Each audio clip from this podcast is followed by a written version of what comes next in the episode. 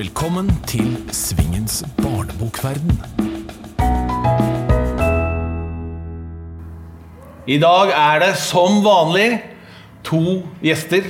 Det er denne gang forfatter og illustratør Kari Stai. Og det er forfatter og illustratør Nina Grøntvedt. Applaus!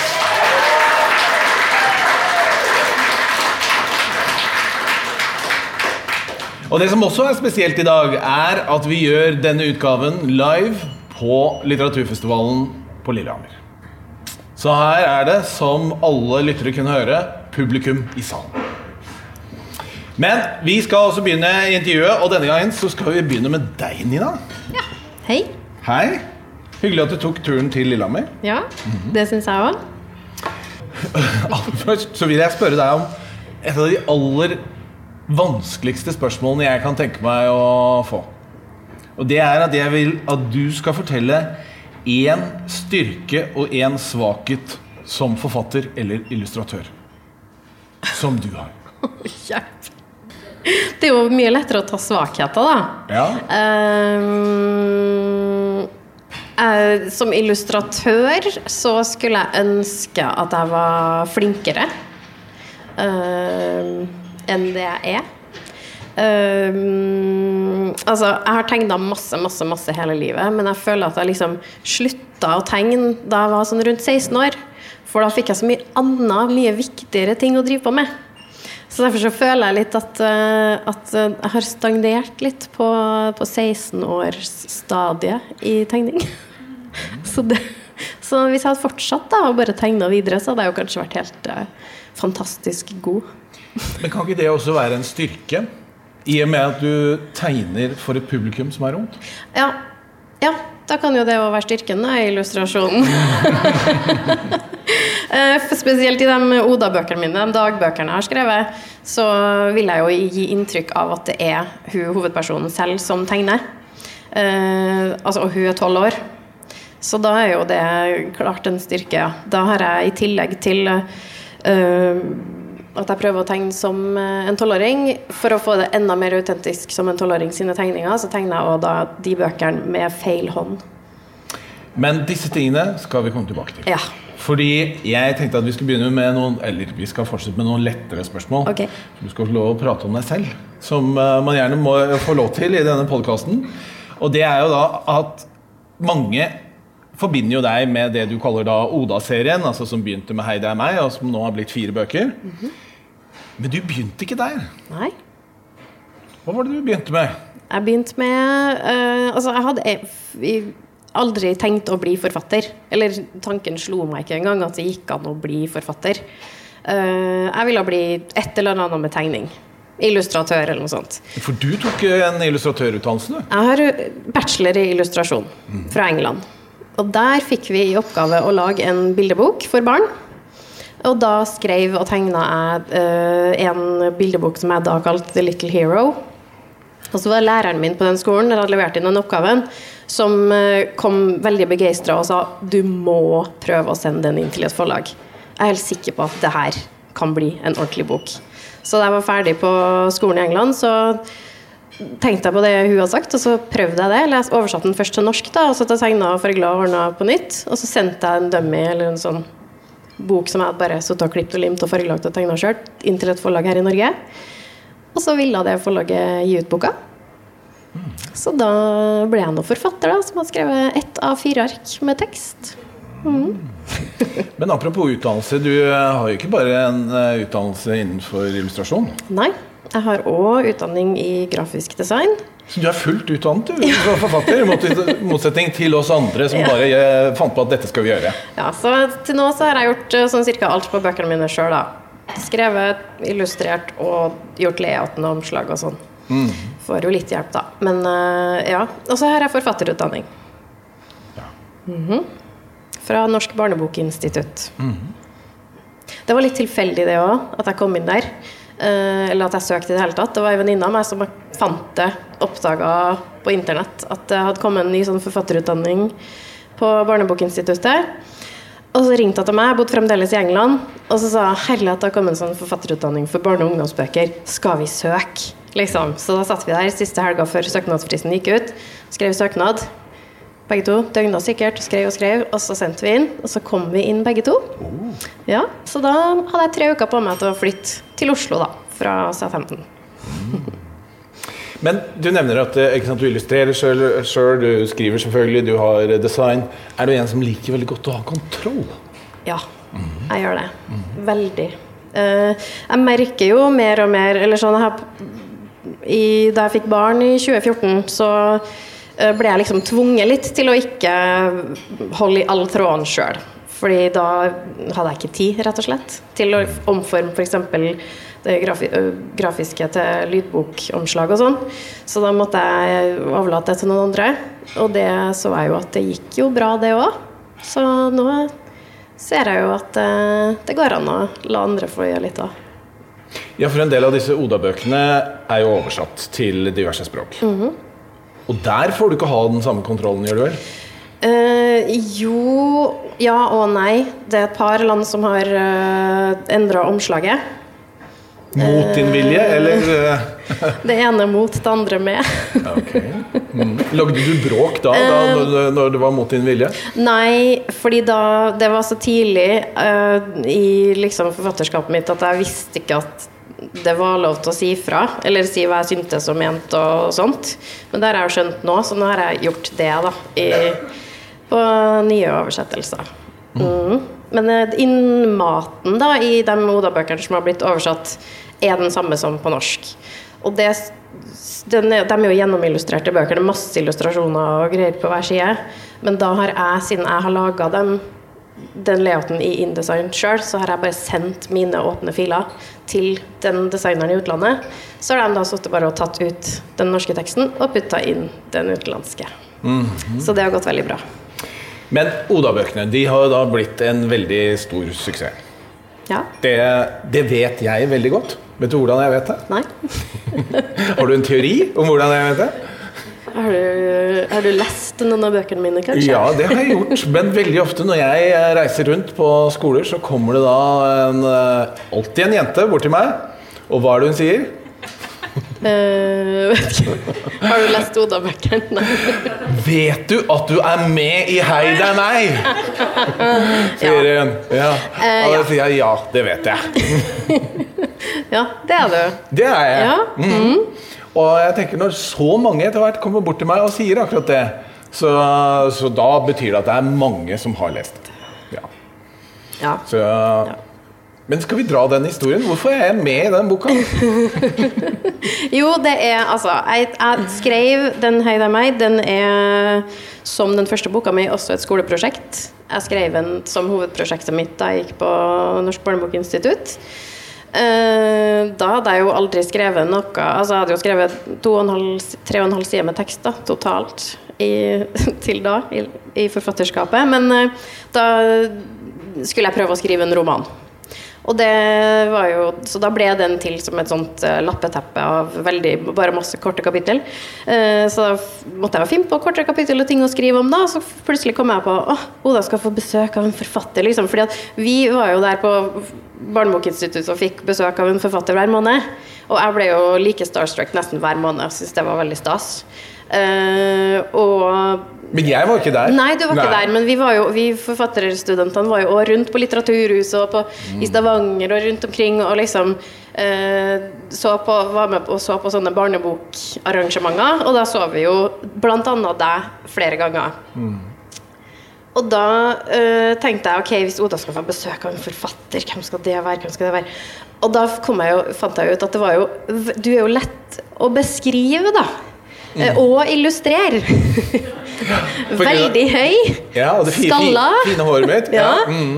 Uh, og hver gang jeg så deg da på scenen, så hadde du på deg svart langarmet skjorte og dongeribukse. Mm.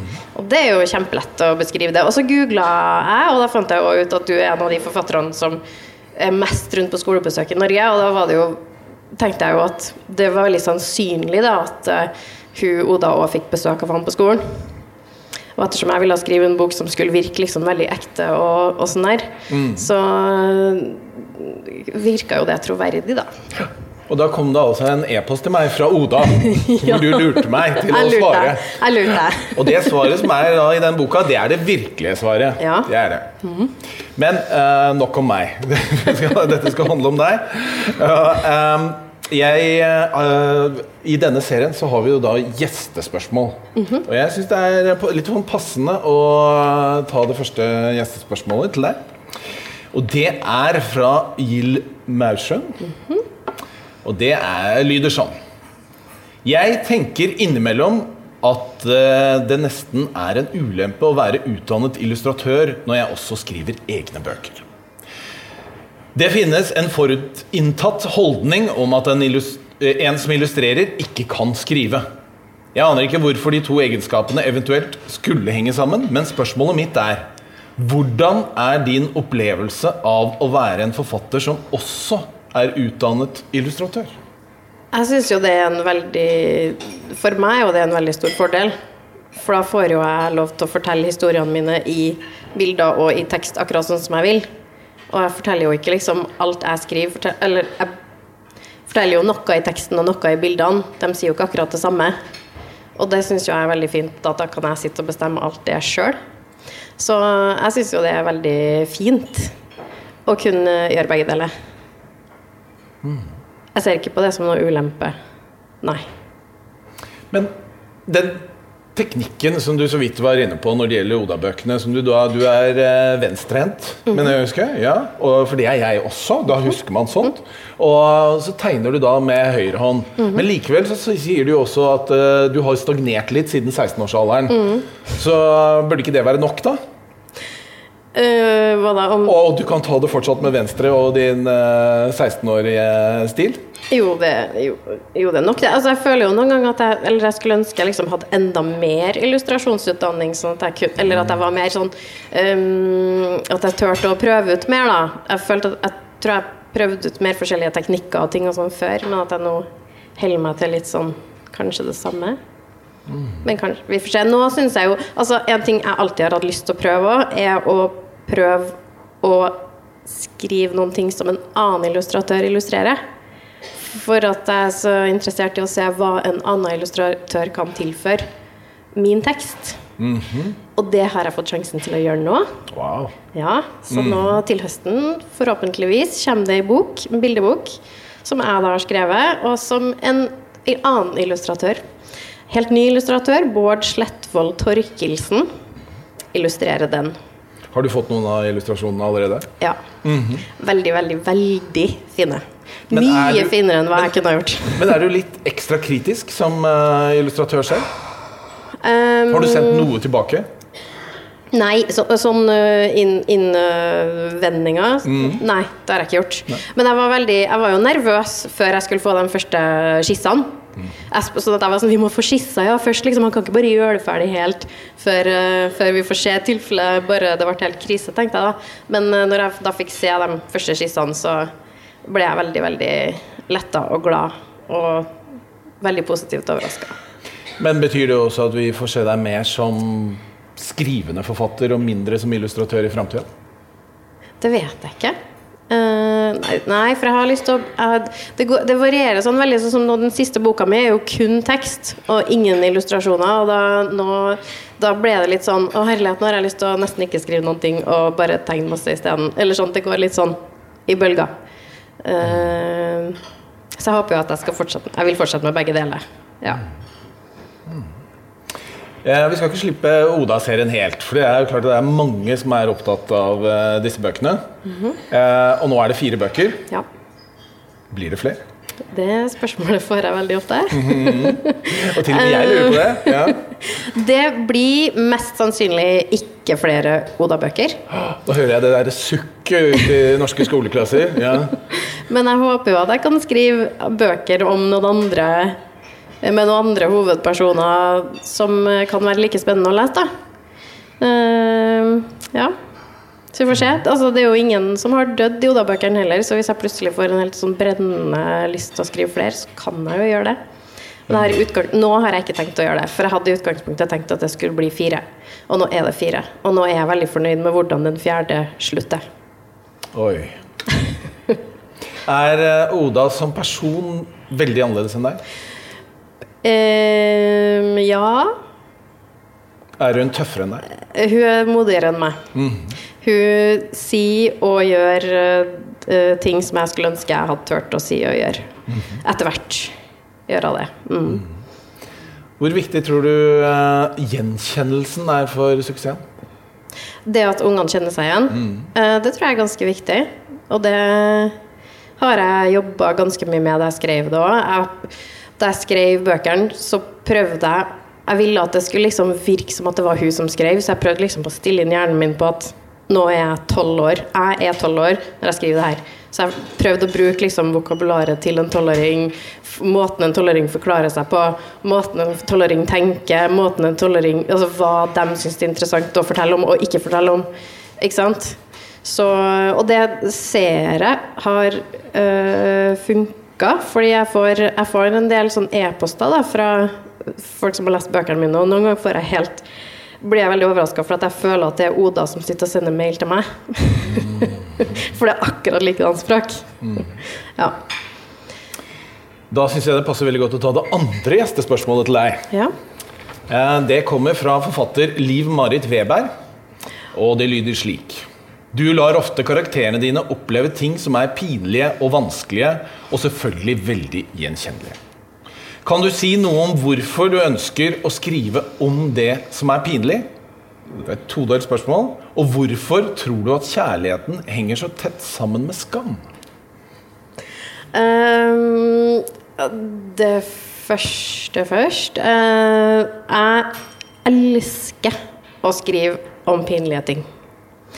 Eh, og jeg syns det er viktig å skrive om pinlige, flaue ting for barn, eller for barn og ungdom.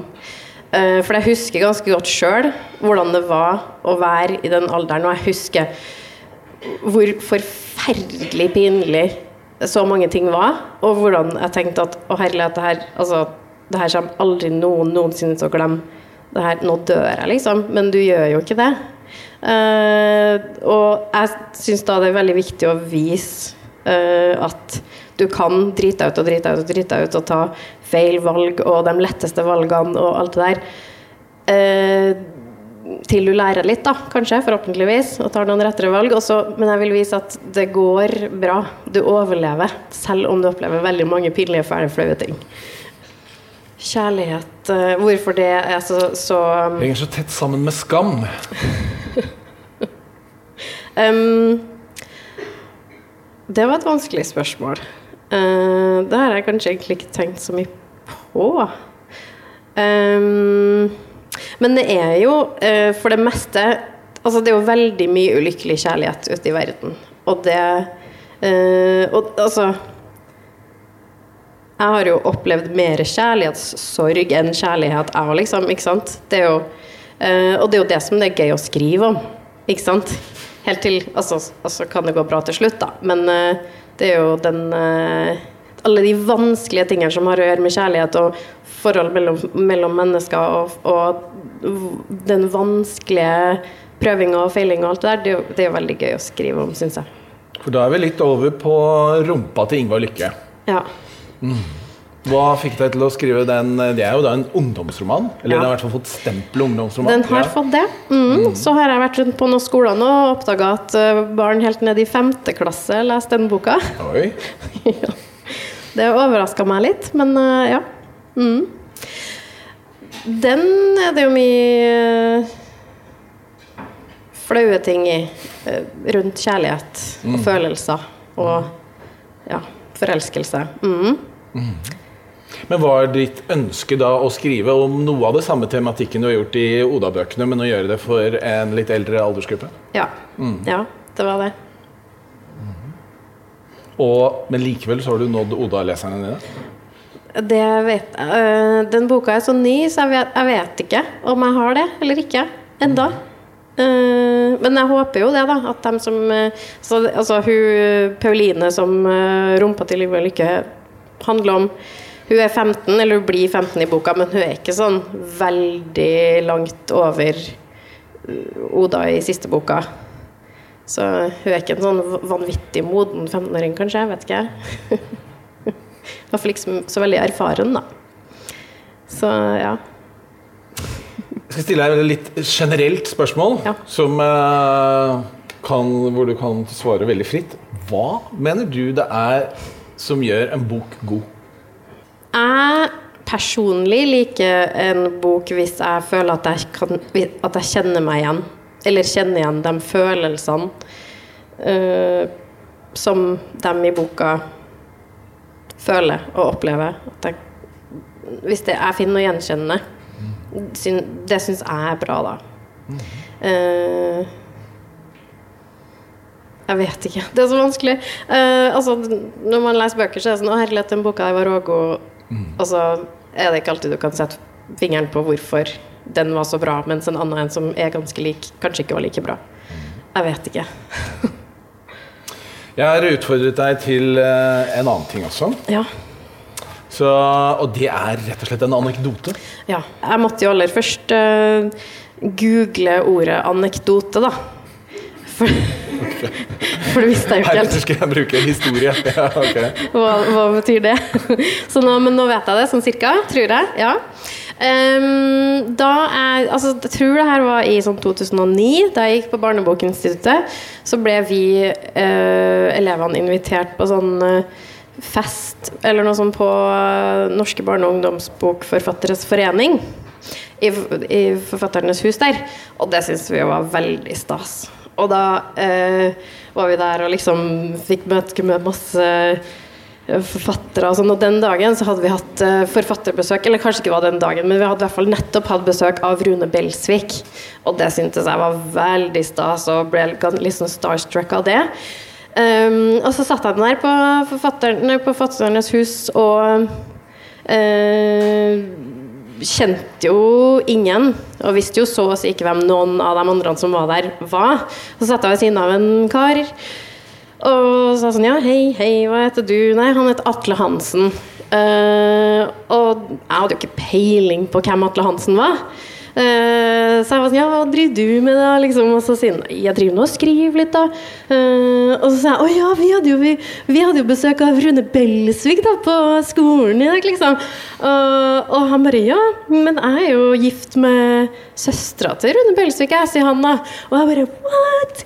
Og så var jeg sånn her Dere, dere eh, fra Barnebokinstituttet, han her er gift med søstera til Rune Belsvik! Og liksom, og han bare Ja, ja, jeg er jo forfatter òg, da. Og liksom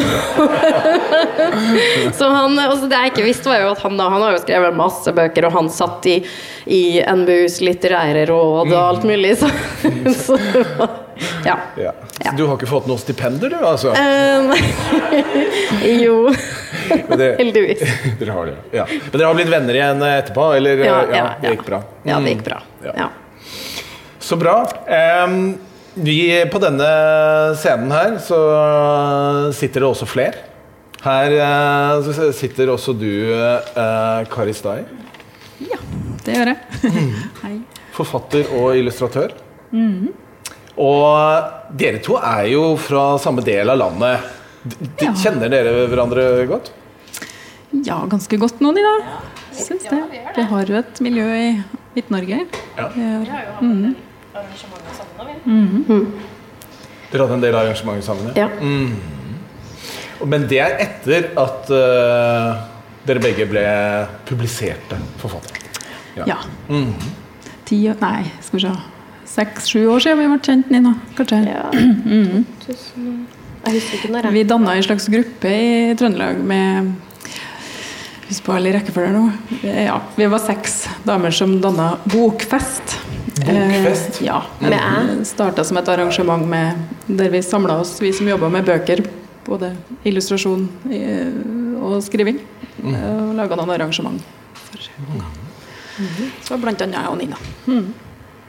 Fordi du er fra hva, Inderøy. Ja. Ja. Hvordan er eh, forfatter- og illustratørmiljøet der? Jo da, det er mm, ja, Eller generelt et veldig godt skapende miljø. Det vil jeg si. Og et, eh, mm, s- eh, ja, et skolemiljø både med eh, folkehøyskole og en veldig bra eh, videregående skole med estetiske fag, og jazzlinje som er veldig levende på Sund, som har veldig mye med, med jazzmiljøet i Trondheim å gjøre. Så det kulturelt sett så føler jeg at Inderøy i stor grad henger sammen med Trondheim, egentlig. Så du har muligheten til å sende en tekstmelding 'Skal vi ta en te nå?' på den lokale kafeen. Ja, og så har du noen kollegaer du ja, kan ja, ja. diskutere oh, ja, ja. med. Men like Mm. mange musikere, kanskje. Og vi, ja, rene billedkunstnere. Det, det er det mange av. Nils Aas var jo fra Inderøya. Så rundt noe som heter Nils Aas kunstverksted, så, så er det jo et veldig aktivt miljø med mye Mm. kvalitetsbevisste personer, vil jeg si. Men nå blir det jo litt interessant i og med at dere da har eh, blitt litt kjent fra samme landsdel, og skal nå stille hverandre et spørsmål hver. Som eh, Jeg har ingen anelse om hva det er. Så eh, Kari, jeg foreslår at du begynner med ditt spørsmål til Hmm. Jeg var egentlig litt opptatt av det med illustrasjon, som du snakka om i stad. Jeg tenk- var litt opptatt av det med altså, Nina sin evne til å faktisk illustrere på den måten at det blir troverdig. For det, det er jo ikke lett. eh, Å tegne såkalt barnlig. eh, Og få det til å bli troverdig. Men, eh, men det snakka vi jo litt om. Men det ble sagt at du er opptatt av intriger og pinlige og flaue ting. Eller at du har mye av det. Vi snakka jo litt om det med at den temaene i bøkene dine er jo ofte Det er mye følelser og mye sjalusi og drama. Um, og at følelser og sånt i den alderen var jo faktisk ganske vanskelig. Det, jo, altså det er jo lett å tro at fjortisene og dem litt som er mindre enn dem, eh, og ikke ta helt ungene sine sterke følelser på alvor. da, At vi syns det er litt overfladisk. Men, men vi husker jo på at det kunne være dypt alvor. sant? Eh, I siste har jeg vært litt opptatt av Søren Kirkegaard sitt begrep hjelpekunst. Eh, hva tenker du om det begrepet i forhold til ditt arbeid? Ønsker du liksom For at øh, det er jo ikke overfladisk det du jobber med, eller om det kanskje har en litt overfladisk stil? Jeg vet ikke. Jeg prøver jo Jeg håper jo at de bøkene ikke er overfladisk. Eh, Jeg prøver så godt jeg kan å ta liksom den målgruppa på alvor. Og med liksom å virkelig Ja, altså Jeg vet jo at voksne lesere kan synes at mm, en del ting i bøkene mine er sånn Å, nå gjentar og gjentar og gjentar det der. Men det Altså jeg prøver å skrive bøkene på barna sine egne premisser, da, og det får jeg jo tilbakemelding fra dem om at, at det gjør jeg, da. Det har du klart. Så Ja. Altså, jeg håper at bøkene eh, Jeg håper jo at de kan hjelpe unge eh, Ja, barn og ungdom med Ja, som har, eh, som, har, som sliter med som, de samme tingene sjøl, og kan se at uh, det går an å komme seg gjennom sånne ting Altså komme seg gjennom vanskelige ting, og, Ja. og det går bra, liksom. Du kommer deg gjennom det, selv om det ikke føles sånn alltid. Ja. Jeg bare tenker på, uh, i forbindelse med den, altså Når du skriver en dagbok til Oda, som da ble 12-13 år, så bruker du jo hennes språk. Eh, og jeg syns jo det er, ligger jo veldig nært hva jeg tenker at en eh, 12-13-14-åring ville skrive i dag. Hva gjør du egentlig for å finne den, det språket, det, de ordene som du eh, skal finne? Faller det deg helt naturlig uten videre, eller har du, jobber du på, mot det på en spesiell måte? Jeg tror eh, akkurat det språket feller meg egentlig ganske naturlig. Jeg tror jeg har et ganske barnslig språk sjøl, i utgangspunktet. Eh, men nei, altså ehm, Jeg bruker Altså, jeg sjekker med, med folk i målgruppa. Uh, så jeg passer alltid på Jeg vil alltid liksom uh, lese manuset mitt høyt for én person i målgruppa før uh, det går liksom til gjennom siste runden for å liksom dobbeltsjekke at jeg har truffet og, på språket og på og alt det der. Og så ja, sånn som i rumpa til Ingvar Lykke, da, så fikk jeg jo tilbakemelding om at ok, uh, vi sier ikke tøysko. sånn jeg måtte eksempel gjøre om det. Satt og diskuterte ja, hva, vil, hva, hva sier dere da? Hva, liksom, hva skal vi kalle det, liksom? Så, og så får, jeg, ja, så får jeg sånn tilbakemelding om at uh, ja, Bare sånne ting som at det heter ikke heimkunnskap lenger, det heter mat og helse. Ikke sant? Så da får jeg jo luka ut alt det der, da. Og så pluss at jeg får sjekka at jeg har truffet på alderen.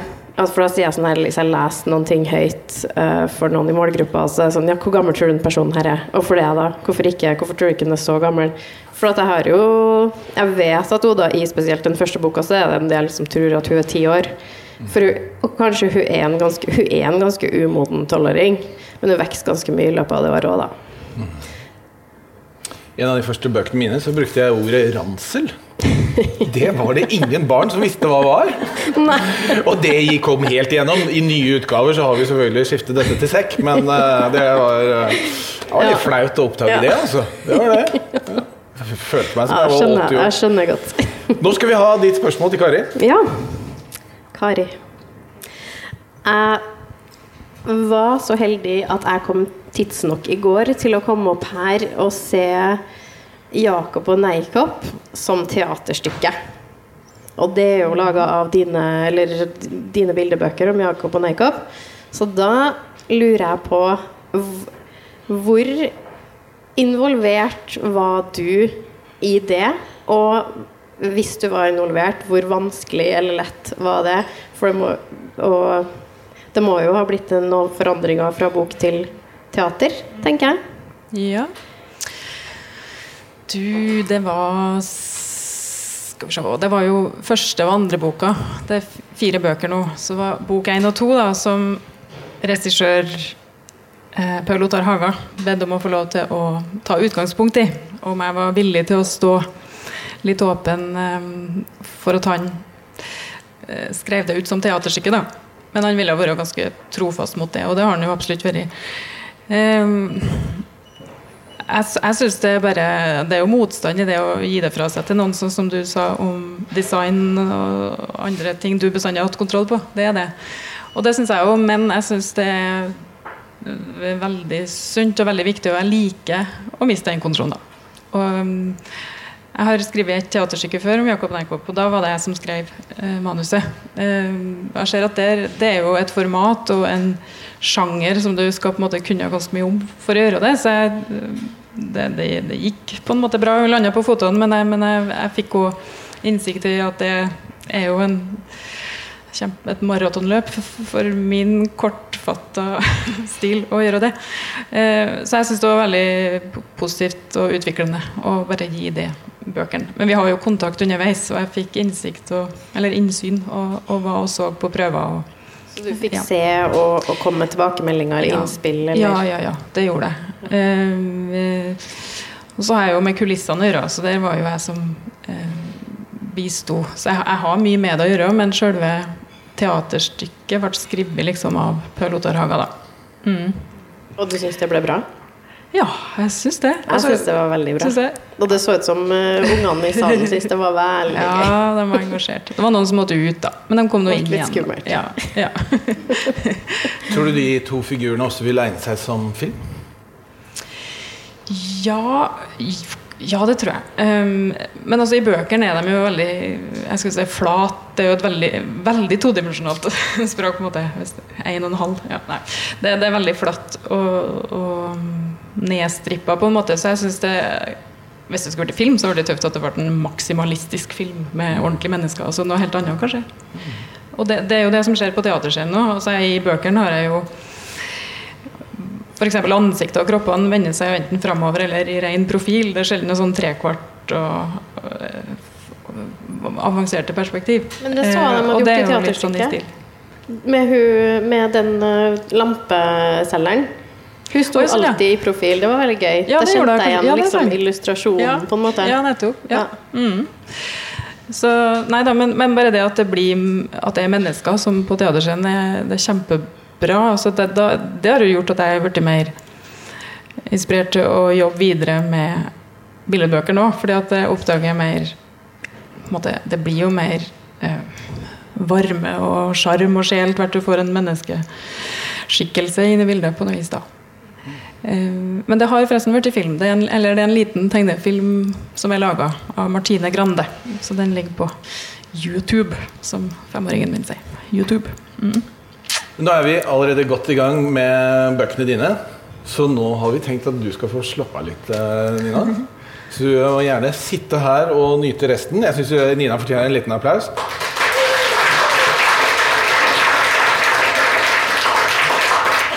For nå skal vi da bare konsentrere oss om eh, ditt virke, Kari. Og siden eh, Nina fikk noen litt vanskelige spørsmål i starten, så tenker jeg nå lar vi eh, Jakob og Neikob ligge lite grann før vi kommer tilbake til det. Og så vil jeg vite hva er det som gjør en illustrasjon god?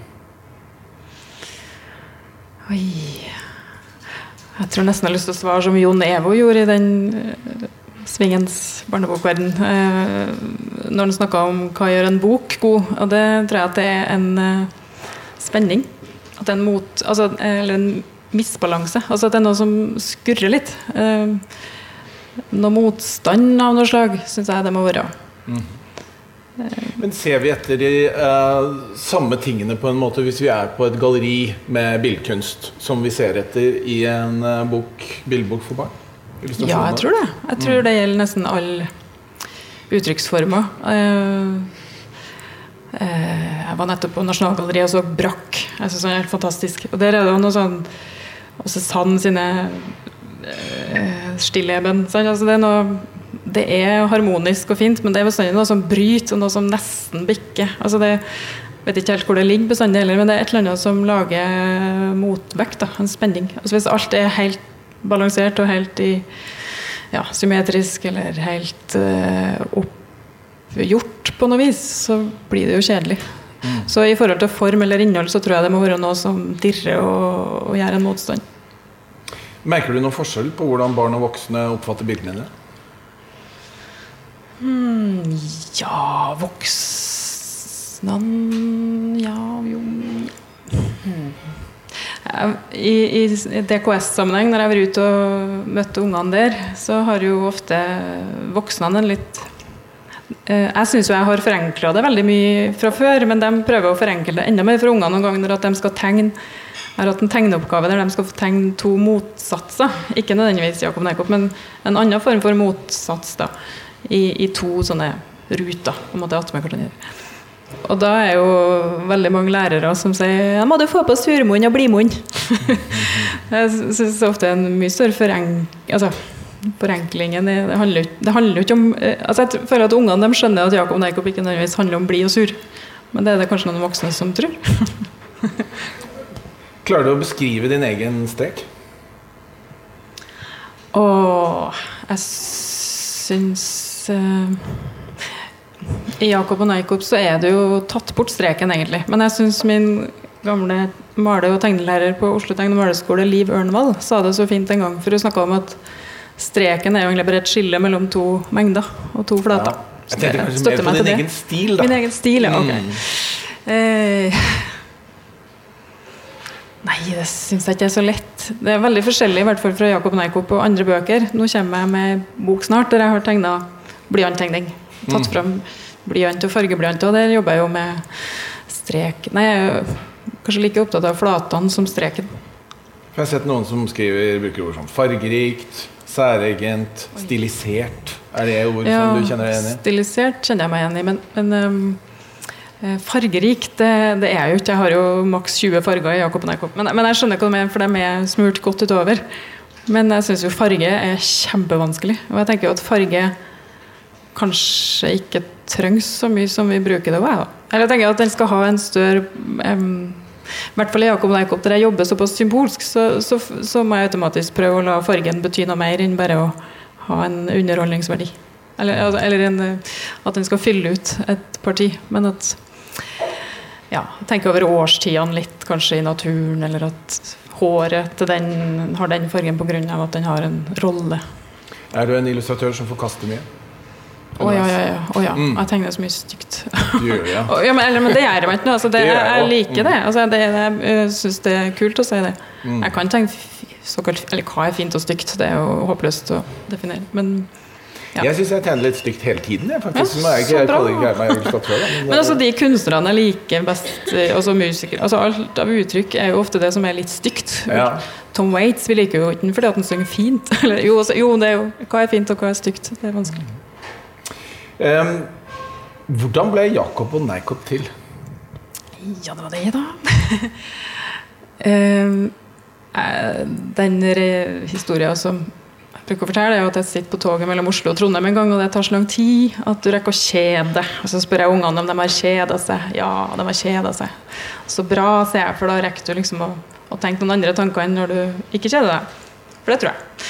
Men konduktøren heter Jakob. Og det er jo ikke noe magisk i seg sjøl, men i hvert fall så noen ganger har dere sikkert hatt et ord, hva som helst ord, så kan dere bare surre rundt i hodet og tygge litt på det ordet. Så Jakob het jo han, så jeg satt og stirra ut og tenkte at ja, ja Jakob, ja, ja, ja, nei, nei, nei, Jakob. Så det var en verbal idé som lå til grunn for det. Det var det. Men, men eh, så tenkte jeg ok, jeg må skrive opp Jakob og Neikob, og så begynte jeg å tegne skisse og drodle litt på det, og så To år etter det så ble det bok. Så det, det har liksom tatt litt tid, men altså, det er jo det er veldig grunnleggende, da. Det er jo motsetninger og natt og dag og yin og yang. Men samtidig ja, altså, fungerer det veldig, veldig godt. Syns du? Nei, takk. Når jeg gikk til forlaget, så tenkte jeg enten blir dette her uh, tommel opp, eller så blir det sånn kjempepinlig, som du sier, Nina. At det var sånn Ja, ha-ha, veldig artig. Altså, ja. Men det, det ble positivt. det bringer oss uh, direkte til et uh, nytt gjestespørsmål. Også dette fra forfatter Liv Marit Weberg. Hun skriver i Jakob og Neikopp-bøkene klarer du å formidle viktig lærdom om det å være menneske på en så enkel måte at det er genialt. Så lurer hun på, da, har du noen tips til oss som ennå ikke har klart å komme opp med en like genial idé? Uh, nei så, Jeg må hele tida sitere folk. Jeg satt jo og skrev når han flinke konferansieren på åpningsforestillinga i går snakka, og han snakka om at vi hele tida må stille oss spørsmål, og det syns jeg var så godt sagt. Altså, hele tida gå inn i seg sjøl, stille spørsmål igjen og igjen. Hva mener jeg med det, hva står jeg for? Men òg eh, på den skapende måten. Altså fortsette å være undrende, nysgjerrig, barnslig, som du sa, Nina. Sitte på toget lenge nok. Så, altså, hvor mye kjeder vi oss, da? Altså, det er jo ofte når jeg får litt tid til å stirre på noe vis, at jeg, at jeg får gjort noe, for å si det sånn. Mm. Så må man jo fange opp underveis. Jeg vet ikke. Fortsette å ha et åpent sinn og sanseapparat. Jakob er jo et navn som eh, er relativt internasjonalt. Det er ganske mange land hvor det fungerer eh, fint. Mm -hmm. Men Neikop har vel ikke den samme effekten overalt. Hvordan, hva gjør de med For disse bøkene har jo blitt oversatt til en del språk. Hva, ja. hva gjør de med navnene? Du, det har min gode redaktør Angfrid Troag alltid hatt eh, eh, sans for å finne de rette folkene til å oversette, og, og agenten min, eh, Eirin Hagen, mm, har et nettverk der de vet å finne de rette personene til engelsk eller de forskjellige indiske språkene tysk. Eh, jeg tror de evner å finne gode oversettere som òg har gode ideer, som er skapende på noe vis sjøl. Men nei, de har fått det til godt. På engelsk er det jo Noper. De, eh, det ble Jesper and Noper. De lurte litt på Jesper and Noah. Noah er jo et navn som fins, men eh, det ble Noper, da. Mm -hmm. Tysk og dansk var det enkelt. Jakob Neikop. Jakob und Neinkop. Ja. Jeg har lurt på det samme sjøl. Jeg vet ikke, altså, De er jo på fransk, men der er jeg helt Jeg er ikke noe særlig fransktalende, så jeg vet ikke hvordan de fant det ut. Et av de aller verste forfatterspørsmålene som finnes, er som alle som jeg ikke skal stille. det er jo eh, når man har skrevet en roman, så spør alle journalistene er det noe selvbiografisk her. Men jeg tenker jo på Jakob og Neikop, så er det jo på en måte noe som er i oss alle. Det der at vi dras da i, i to retninger. Uh, og er det litt derfra det kommer? F.eks. Uh, eh, på denne podkasten så følte jeg at du var litt sånn Jakob og Neikob. Det var en del av deg som hadde veldig lyst, og så var det en del av deg som ikke hadde lyst til det hele tatt. Som bare ville si nei. Ja. Godt uh, oppsummert. ja, jeg svarer. nei, ja, ja, altså det, det, er jo kanskje derfor jeg tenkte ikke over det sjøl før jeg liksom over Altså jeg jo tester jo ting på andre, som Nina her, og viser det til unger og, og voksne. Um, og når jeg registrerte at de flira av den første boka, jeg sånn Hæ, er det humor her? tenkte jeg, Det har ikke jeg planlagt. Men det var kanskje en humor i det at det er så svart-hvitt, og dermed så urealistisk. Da, for altså, verden er jo ikke så svart-hvitt i det hele tatt. Så det blir jo en veldig det blir noe komisk med det veldig svart-hvite, påståelig. Det, urealistiske. Um, men uh, ja, altså jeg, jeg er like stor fan av begge to. Det, det må jeg si, og det sier jeg også til ungene. at det, Det er kanskje lett å favorisere Jakob i forhold til Neikop, men um, ja, kan jo se storpolitisk på det i verden. Altså, vi trenger liksom Neikop mer enn noen gang, kanskje. Og så evnen til å si nei. Vi snakker jo om stress og de store eh, livsstilssykdommene våre. Så stress er en av dem. Og det å si nei er jo ikke noe lett, det vet jo voksne. Så det er jo et, sånn sett så kanskje hun tenkte litt på det òg, at det er et voksent, eller det er et tema som gjelder oss alle. Og grensesetting er jo aktuelt hele livet. Det som er så ordentlig med dere to, er at dere har skikkelig utdannelse. Det, du har jo også en skikkelig utdanning eh, innen visuell kommunikasjon. Men når du holdt på med det, visste du at du skulle gå i retning eh, bildebøker? Var det et mål hele tiden? Vet du, jeg gikk, eh, jeg gikk noen skoler, eh, og så gikk jeg hovedfag på Kunsthøgskolen i Oslo. Når jeg kom i prat med dem som da drev Patron, det var Svein Størksen og Kristin Roskifte som kom og spurte meg på en visuelt fest om jeg hadde lyst til å begynne hos dem etterpå. Og det ville jeg så klart Eller det, det, det ble jo Det ville jeg teste ut, og det ble jo en like viktig skole, for å si det sånn. Og da kom jeg jo i lag med Anna Fiske, blant annet. Og Ragnar Aalbu og Rui Tenreiro og Åshild Irgens var der. Så vi har eh, eh, Inspirert av dem, tror jeg det var veldig utslagsgivende for at jeg begynte å tenke at illustratørene de driver og skriver. Så kom jeg jo på at ja, men skriv det likte jeg jo minst like godt som å tegne på skolen. Jeg har jo bestandig likt å tegne, så klart, men, men jeg likte også veldig godt å skrive, og det har jeg nesten glemt. Og jeg tenker at jeg har jo skole på en måte i tegning, men skriving er på en måte en sånn ting som alle kan litt. Så, så det å tenke at jeg kunne gå med et manus til et forlag, det, det tenkte ikke jeg over før da, nei.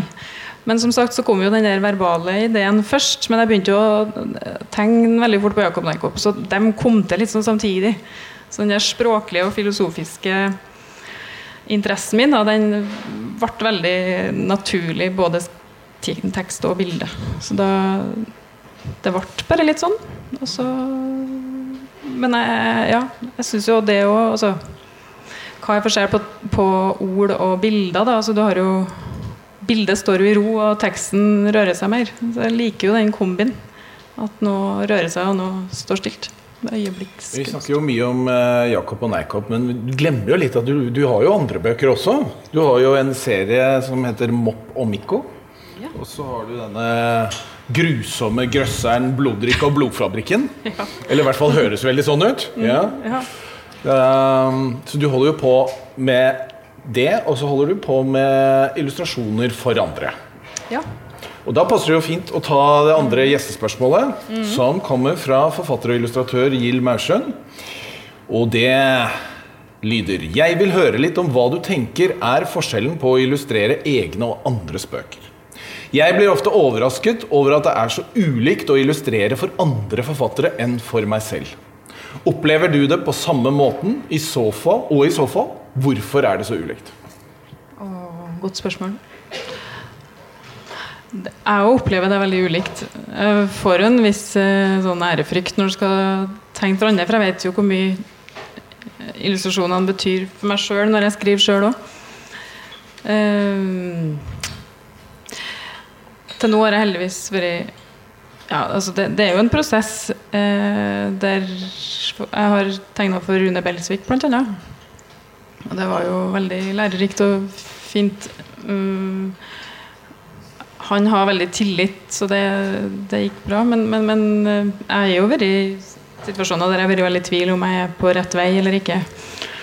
Um, nei, jeg tror det kanskje handler litt om at du uh, Kanskje du føler et større ansvar når du skal lage noe for andre enn når du gjør det for deg sjøl. Jeg vet ikke. At du Nei, det er vanskelig og godt spørsmål. Um, jeg registrerer jo at jeg legger det opp litt forskjellig, ja. Når jeg gjør det for meg sjøl eller for noen andre. Tenker litt over at det skal bli rett på noe vis på flere måter. Tørs å være litt mer sånn eh, hardcore kanskje når jeg tegner til mine egne ting. Ehm, Jeg har lyst til å spørre deg, altså så, Vi prater ikke så mye om priser i dette programmet, men likevel så har jeg lyst til å bare deg, stille deg spørsmålet Forandrer prisene som du har fått, på noen måte profesjonelt eller personlig? Har det forandret noe? Pris, sånn utmerkelser eller honorar? Ja, ja honorar, Vi snakker ikke om honorar. Nei, vi snakker om priser. Nei, Jeg vet ikke om jeg er en treg trønder. Det har tatt så tid for meg å, å ta inn over meg at jeg har fått dem, egentlig. Men jeg, noen gang når jeg satt på teatret i går, Nina, med deg, så kjente jeg at det var uh, At det betyr jo mye at en får uh, respons i form av priser eller publikum som virker fornøyd i salen. Um, nei, de prisene har kanskje bare tatt bort tvil litt mer i sånne dager du tviler, kanskje, på at det er viktig at noen går og setter seg ved en pult og tegner og skriver. Og går den turen i skogen som måte for at du må knekke ideen enda litt bedre. Mm, Stol på Altså det er nytteverdien til kunstnere da, er jo evig takknemlig for, alle, for at alle store kunstnere har, har via livet sitt til det. Men det er jo fortsatt et eh, Eller nå har jo jeg gått i miljøet der det er et normalt valg. um, men jeg må kanskje fortsatt minne meg sjøl litt på at det er viktig, ja. Eller at det er rett og viktig at jeg gjør det. Um, Så jeg har jo også bedt deg om å forberede en anekdote, eller historie, som vi bare kaller det heretter. Eh, Så vær så god, ordet er ditt. Ja. Mm. Det var jo sånn at vi lett kanskje undervurderer unger. Men eh, når jeg har laga Jakob og Neikop, da, så var det jo særlig den første boka, så, så ble det jo et veldig stilisert uttrykk. Og dermed tenkte jeg at de forskjellige logiske bristene som er der, kanskje ikke ville fanges opp fordi at universet var så absurd på noe vis. Men der skal han tydeligvis ikke undervurdere unger. Fordi når jeg var i en klasse og kanskje møtt ja, Han rekker å møte noen hundre eller tusen unger i løpet av et år. Så har det spørsmålet jeg frykta ikke kommet, men som måtte jo til slutt komme. Og det var en gutt som rakk opp hånda og spurte Altså, går ikke, det er ikke stikkontakt i en krokodille, da, vet du, Kari. Jeg var helt sånn over oppgitt over at han slo på lampa inni krokodilla i den første boka. Og det, det måtte jeg da forstå, forstå at det ikke gikk an å, å, å lure han på. Så jeg merker at unger ønsker jo Med fare for å bli litt generell, unger øh, liker å fortelle at de har gjennomskua noe greier. Men, øh, men det fører jo ofte til veldig filosofiske samtaler, det òg. For da fikk vi jo en veldig fin samtale om hva går an i bøker, og jeg får liksom sagt det med at bildet er alt mulig og, og sånn. Men, men det må jo være en slags eh, formmessig eh, sannhet der, på en måte. Så jeg tenker at i Jakob Neikop så går det an. Kanskje var den lampa batteridrevet, eller ja. Nei, vi får store, store, fine filosofiske samtaler med unger. Jeg syns vi skal avslutte det hele med det spørsmålet som vi åpnet med til eh, Nina. Og jeg vil gjerne vite en eh, styrke og en svakhet du selv mener du har som forfatter eller illustratør. Oi, det blir litt sånn yin-yang-svar til meg òg, tror jeg. Jeg er veldig Eh, Jeg har veldig Svakheten er jo at jeg har veldig lett for å begynne å degradere en ting veldig fort. Altså Hvis du har en sånn heter konvergent og divergent eh, fase du, eller prosess du har. Altså du setter, tankene skal på en måte flyte og bli en idé før du begynner å slakte den og dissekere den. Men jeg dissekerer kanskje litt vel fort. Så det er nå svakheten min, tror jeg. Styrken er kanskje at jeg er rar. Jeg har mye Ja. Rar ja, Altså, jeg har, har en del rare tanker og ideer. Det absurde det er jeg veldig opptatt av. Og det, det synes, Apropos bloddrikk, den er kanskje den mest absurde. Jeg vet ikke om jeg torde å lage den i dag, men jeg syns fortsatt at den, var, den har noe absurd, og det liker jeg. Det syns jeg var et godt svar å avslutte dette programmet med. Svingens barnebokverden er da tilbake, ikke på Lillehammer, men på Soundcloud og iTunes om en måned.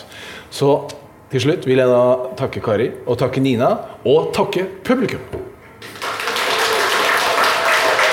Takk for oss. Du har hørt på Svingens barnebokverden med Arne Svingen.